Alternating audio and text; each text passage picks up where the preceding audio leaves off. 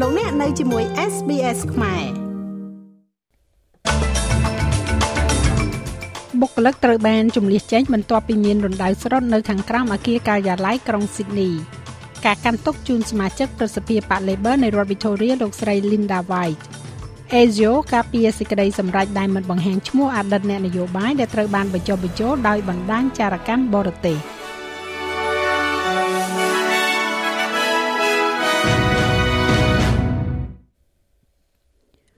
អង្គភាពអគិភ័យនឹងជួយសង្គ្រោះរដ្ឋ New South Wales បានមកដល់កន្លែងកើតហេតុនៃការបាក់រលំរំដៅនៅភូមិខាងត្បូងនៃទីក្រុង Sydney ដែលត្រូវបានគេមើលឃើញថាការិយាល័យកម្ពស់2ជាន់ trade និងមិនមានស្ថិរភាពមនុស្សប្រមាណជា20នាក់ត្រូវបានជំនះចេញពីតំបន់នេះនៅម៉ោង6ព្រឹកថ្ងៃ1ខែមីនានេះរួមទាំងបុគ្គលិកកម្មករនៅការដ្ឋានសាងសង់ក្បែរនោះសម្រាប់ផ្លូវរុងក្រោមដី M6 ថ្មី។ មកទល់នៅពេលនេះមិនទាន់មានសេចក្តីរាយការណ៍ថាមានអ្នករងរបួសទេតំបន់ហាមឃាត់ត្រូវបានបង្កើតឡើងខណៈដែលអ្នកជំនាញព្យាយាមនឹងកំណត់មូលហេតុនៃរណ្ដៅនេះផ្លូវមិនត្រូវបានបិទនោះឡើយប៉ុន្តែអ្នកបើកបរនិងអ្នកថ្មើរជើងត្រូវបានបង្ខំឲ្យជៀសវាងតំបន់នោះ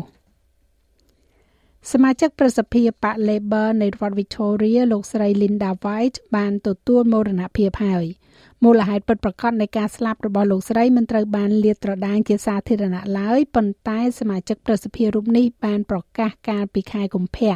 ថាលោកស្រីនឹងសុំច្បាប់ឈប់សម្រាកពីការងារដើម្បីដោះស្រាយបញ្ហាសុខភាពសមាជិកប្រសិទ្ធិលោកស្រីវាយបានជាប់ឆ្នោតជាសមាជិកសភាជាន់ខ្ពស់នៅក្នុងការបោះឆ្នោតសហព័ន្ធឆ្នាំ2022 មុនពេលចូលប្រឡូកក្នុងនយោបាយសហព័ន្ធលោកស្រីបានធ្វើការរយៈពេល10ឆ្នាំក្នុងនាមជាមេធាវីគណៈពេលដែលលោកស្រីក៏បម្រើការជាជំនួយការលេខាជាតិនៃសហជីពសេវាកម្មអូស្ត្រាលីពីឆ្នាំ1995ដល់ឆ្នាំ2020លោកនាយករដ្ឋមន្ត្រី Anthony Albanese បានថ្លែងគោរពដល់វិញ្ញាណក្ខន្ធរបស់លោកស្រី Linda was formidable a beloved friend Linda មានភាពរួសរាយរាក់ទាក់ជាមិត្តជាទីស្រឡាញ់ជាមិត្តរួមការងារដ៏មានគុណតម្លៃជាតំណាងរាស្ត្រដែលឧស្សាហ៍ព្យាយាមនិងតាមរយៈកិច្ចខិតខំប្រឹងប្រែងទាំងអស់របស់លោកស្រី ក្នុងចលនាបក Labor ដ៏ធំទូលាយអ្នកគ្រប់គ្រងដ៏ស្មោះត្រង់របស់ប្រជាជនអូស្ត្រាលីដែលកំពុងធ្វើការ Linda បានធ្វើឲ្យមានការខុសប្លែក។ មេដឹកនាំបកប្រឆាំងសហព័ន្ធលោក Peter Dutton និយាយថាលោកឈរក្បែរអនុប្រធានរបស់លោកគឺលោកស្រី Susan Lee បន្ទាប់ពីអ្វីដែលលោកស្រីហៅថាជាអ ுக ្រិតជនបរទេសនៅក្នុងរដ្ឋ Victoria នៅមុនការបោះឆ្នោតជ្រើសរើសតំណាងរាស្ត្រនៅទីក្រុង Melbourne នៃតំបន់ Dungkey នៅថ្ងៃស្អែកទី2ខែមីនានេះលោកស្រី Susan Lee បានបង្ហោះនៅលើប្រព័ន្ធផ្សព្វផ្សាយសង្គម X ដែលជាអតីត Twitter ថាប្រសិនបើអ្នកមិនចង់ឃើញស្ត្រីអូស្ត្រាលីត្រូវបានរំលោភបំពានដោយអ ுக ្រិតជនបរទេសទេនោះចូលបោះឆ្នោតប្រឆាំងនឹងគណៈបក Labor ការអត្ថាធិប្បាយនេះត្រូវបានគេជឿថាពាក់ព័ន្ធទៅនឹងករណីរបស់អតីតជនអន្តោប្រវេសន៍ដែលត្រូវបានចាប់ខ្លួនដោយចោទប្រកាន់ពីបទរំលោភបំពានផ្លូវភេទប៉ុន្តែក្រោយមកត្រូវបានដោះលែងនៅពេលដែលប៉ូលីសបានបង្កើតថាវាជាករណីខុសអត្តសញ្ញាណ។ លោកនាយករដ្ឋមន្ត្រី Anthony Albanese បានថ្កោលទោសចំពោះការលើកឡើងរបស់លោកស្រីលីដោយថ្លែងថាករណីនេះមិនគួរយកមកធ្វើនយោបាយនោះទេ I find it extraordinary uh that uh Ms Lay has refused to ខ្ញុំយល់ឃើញថាវាជ្រុលណាស់ដែលលោកស្រីលីបានបដិសេធមិនលុប tweet នោះចោល ប្រព័ន្ធច្បាប់ត្រូវតែអនុញ្ញាតឲ្យដំណើរការនៅក្នុងប្រទេសនេះដោយមិនមានការលេងល្បែងនយោបាយពីមុនមកហើយខ្ញុំគិតថា tweet ដែលអ្នកយោងទៅលើឆ្លោះបញ្ចាំងយ៉ាងធ្ងន់ធ្ងរទៅលើទីតាំងដែលគណៈបក Liberal ទទួលបាននៅឆ្នាំ2024 សូមបញ្ជាក់ថាមានការអនុញ្ញាតឲ្យដោះលែងមនុស្ស149នាក់បន្ទាប់ពីសេចក្តីសម្រេចរបស់តុលាការជាន់ខ្ពស់កាលពីថ្ងៃទី8ខែវិច្ឆិកា2023ដែលសម្រេចថាការឃុំខ្លួនដោយគ្មានកំណត់ចំពោះមនុស្សដែលមិនអាចនិរទេសចេញបានគឺខុសច្បាប់លោកដាត់ថិននិយាយថាលោកគាំទ្រយ៉ាងពេញទំហឹងចំពោះលោកស្រីលេដែលយល់ស្របនឹងការលើកឡើងរបស់លោកស្រី។ ទីភ្នាក់ងារចារកម្មរបស់ប្រទេសអូស្ត្រាលីបានការពារការសម្រេចចិត្តរបស់ខ្លួន ចំពោះការដែលមិនបង្ហាញឈ្មោះអតីតអ្នកនយោបាយដែលត្រូវបានបញ្ចុះបញ្ចូលដោយបណ្ដាញចារកម្មបរទេសអគ្គនាយក Asia គឺលោក Mike Burgess មានប្រសាសន៍ថាវាគឺជាការអនុវត្តដ៏យូរអង្វែងរបស់ទីភ្នាក់ងារស៊ើបការសម្ងាត់ដែលមិនពិភាក្សាជាសាធារណៈនៅព័ត៌មានលម្អិតអំពីប្រតិបត្តិការ លោក Burgess និយាយថានៅក្នុងករណីពិសេសនេះប្រទេសអូស្ត្រាលីចង់ឲ្យសេវាស៊ើបការសម្ងាត់បរទេសដឹងថាការបិទបាំងរបស់ខ្លួនត្រូវបានបើកបង្ហាញឡើងប៉ុន្តែមិនស្ថិតនៅក្នុងទីតាំងមួយក្នុងការបើកបង្ហាញពីរបៀបដែលសកម្មភាពរបស់ពួកគេត្រូវបានរកឃើញនោះទេ។ការអត្ថាធិប្បាយរបស់លោកបានជំរុញឲ្យមេដឹកនាំគណៈបកប្រឆាំងគឺលោក Peter Dutton ដកថយមកវិញចំពោះការអំពាវនាវពីមុនរបស់លោកឲ្យបើកបង្ហាញឈ្មោះអ្នកនយោបាយនិងភាពអាម៉ាស់ជាសាធារណៈនោះ It's difficult when uh, these allegations are made um, because I think it វាពិបាកណាស់នៅពេលដែលការចោទប្រកាន់ទាំងនេះត្រូវបានធ្វើឡើងពីព្រោះខ្ញុំគិតថាវាធ្វើឲ្យមានភាពល្អក់កកលើអតីតសមាជិកសភាជាច្រើនរូបនោះហើយជាមូលហេតុដែលខ្ញុំគិតថាប្រសិនបើអាចអ្នកគួរតែបញ្ចេញឈ្មោះបុគ្គលនោះមកប៉ុន្តែលោក Burgess បានគូសបញ្ជាក់ពីមូលហេតុដែលអ្នកមិនអាចធ្វើបានហើយយើងទទួលយកដំបូន្មាននោះរដ្ឋាភិបាលរដ្ឋ Victoria បានលុបចោលអាហារពេលល្ងាច Iftar ជាមួយនឹងជាផ្លូវការនៅឆ្នាំនេះបន្ទាប់ពីក្រុមអ៊ីស្លាមជាង100នាក់បានចុះហត្ថតលេខាលើលិខិតចំហមួយដែលនិយាយថាពួកគេនឹងធ្វើពហុការមិនចូលរួមព្រឹត្តិការណ៍នេះមានការអំពាវនាវស្រដៀងគ្នានេះនៅក្នុងរដ្ឋ New South Wales និងការចោទប្រកាន់ថារដ្ឋាភិបាលរបស់លោក Minns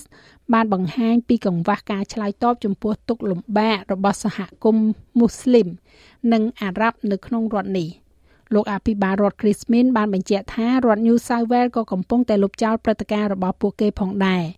លោកក៏បានការពារជំហររបស់រដ្ឋាភិបាលលោកចំពោះស្ថានភាពដែលកំពុងផ្ទុះឡើងនៅកាហ្សា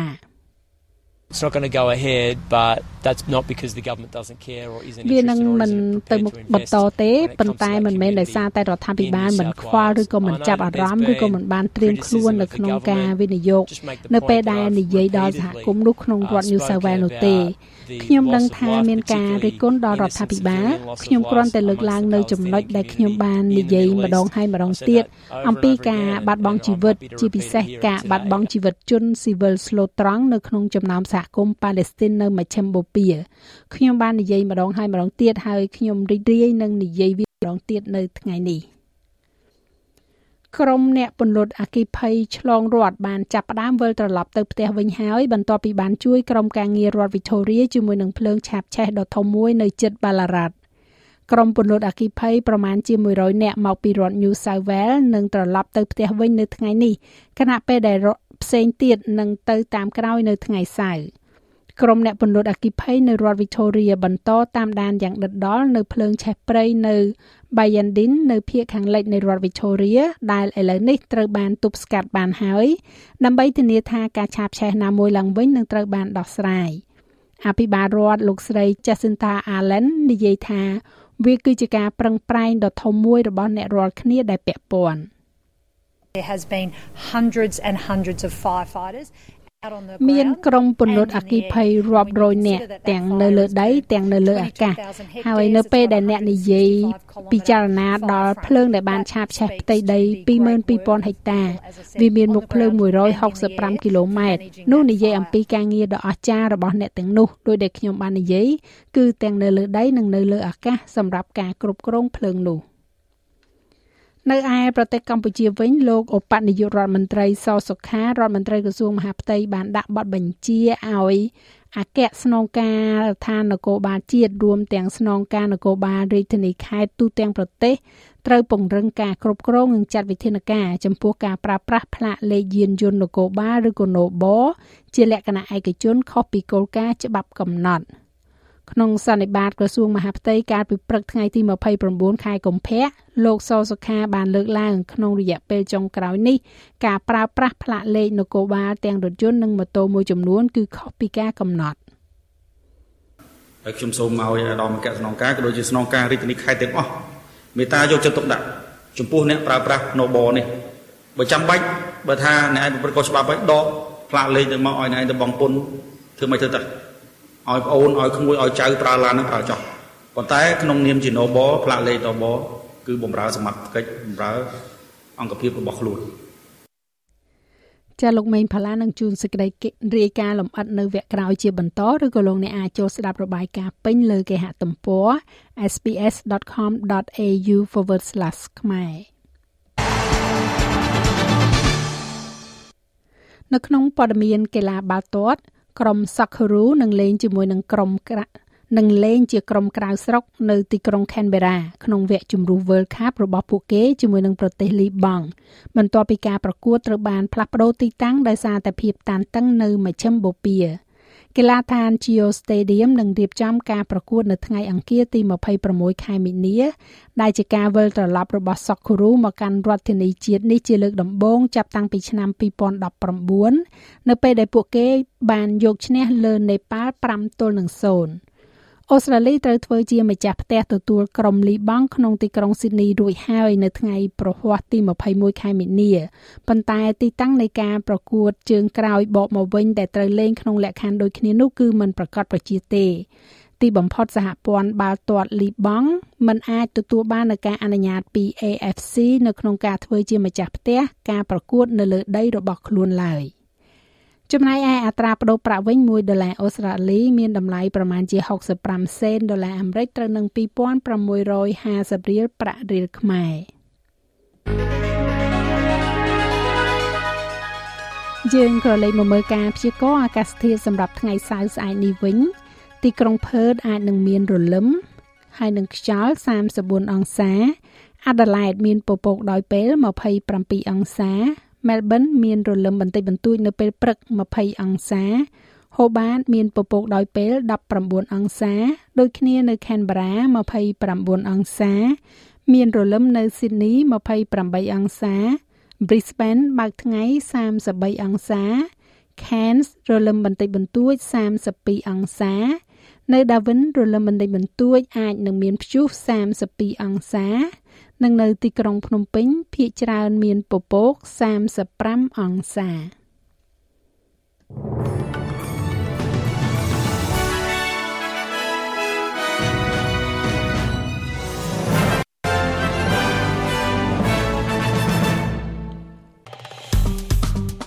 ចុច like share comment និង follow SPS ខ្មែរនៅលើ Facebook